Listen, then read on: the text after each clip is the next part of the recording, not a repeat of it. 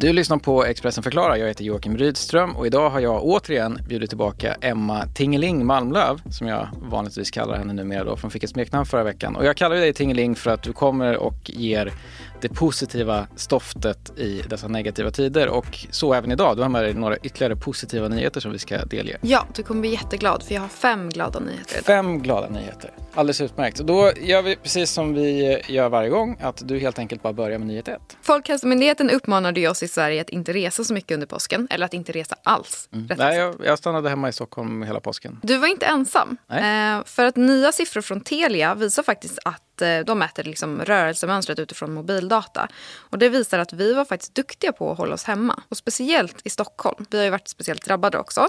Men om man tittar på siffrorna då så var det 96 procent färre som reste från Stockholm till Gotland i år om man jämför med förra året. 96 procent, det är väldigt mycket. Mm. Och till Öland från Stockholm så var det minus 87 procent. Och om man tittar på till exempel de som åker från Stockholm till Sälen minus 92 procent. Jag tänkte väldigt mycket på just den aspekten att det, om man ser på Stockholm, det är väldigt många inflyttade som bor här. Så att man, det är lätt att säga, nej men ni åker bara och roar er härifrån. Men det var ju väldigt många som också stannade hemma och faktiskt inte åkte hem till sina familjer. Precis, och jag tänker också att många tänkte ju att jag åker bara till min sommarstuga eller mm. jag åker bara hem. Men det handlar ju också om att man stannar på vägen för man behöver tanka. Eller så blir man plötsligt hungrig. Eller så behöver man gå på toa och så helt plötsligt har man alla de här kontaktytorna på vägen.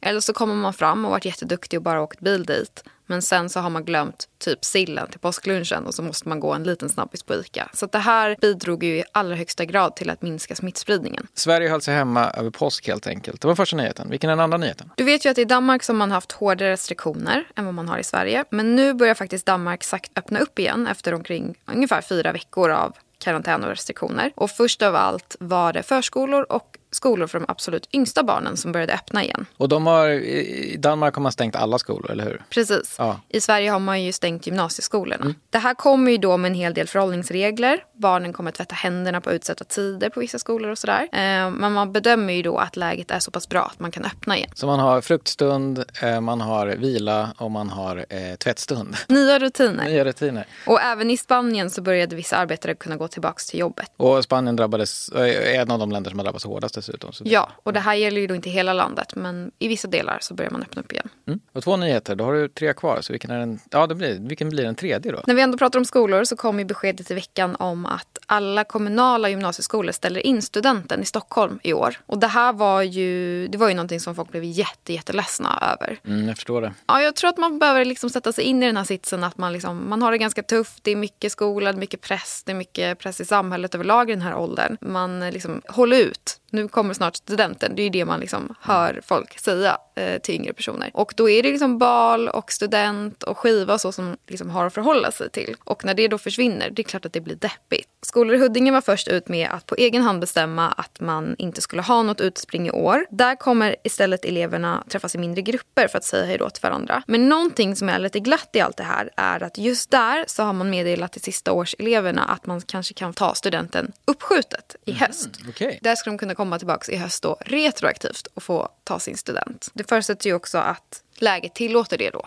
Ja, just det. Det kan komma en andra våg och så vidare förstås. Men då får man i alla fall sin student. Vad härligt. Vad bra. Eh, men det var tre nyheter. Vilken är den fjärde nyheten? Någonting som jag tycker är väldigt härligt. Mm. Det är en väldigt fin sak som en skolklass gör. De hjälper äldre att vara lite mindre ensamma. Det är ju ganska många äldre som sitter nu på äldreboenden och inte får ta emot besök som blir väldigt ensamma av det, isolerade. Så en klass i årskurs 1 på Vittsjöskolan i Hässleholm, de kom på den här idén som är väldigt, väldigt fin faktiskt. Eh, de har börjat brevväxla med det här äldreboendet. De ställer så fina frågor i sina brev. Eh, ge mig några exempel. Ja, men vad gjorde du på fritiden efter skolan när du var liten? Eller vad gör man på ett äldreboende egentligen? Mm. Och eh, det här äldreboendet har blivit jätteglada av det här. Eh, man beskriver det som att man bygger liksom generationsbroar. Okej, det var fyra stycken nyheter. Då har vi en kvar. Vilken är den femte och sista idag? Ja, men jag tänker att vi ska avsluta med någonting som är faktabaserat här. Och det är att över 80% av de som intensivvårdas på Karolinska i Stockholm, de överlever. Det har SVT rapporterat. När man intensivvårdas, då är ju läget inte bra. Då är det svårt och man har gått ganska långt i sitt sjukdomsförlopp. Så att när man hamnar där, att ändå 80% överlever, det är ju väldigt hoppfullt känner jag. Man får komma ihåg det, att majoriteten överlever.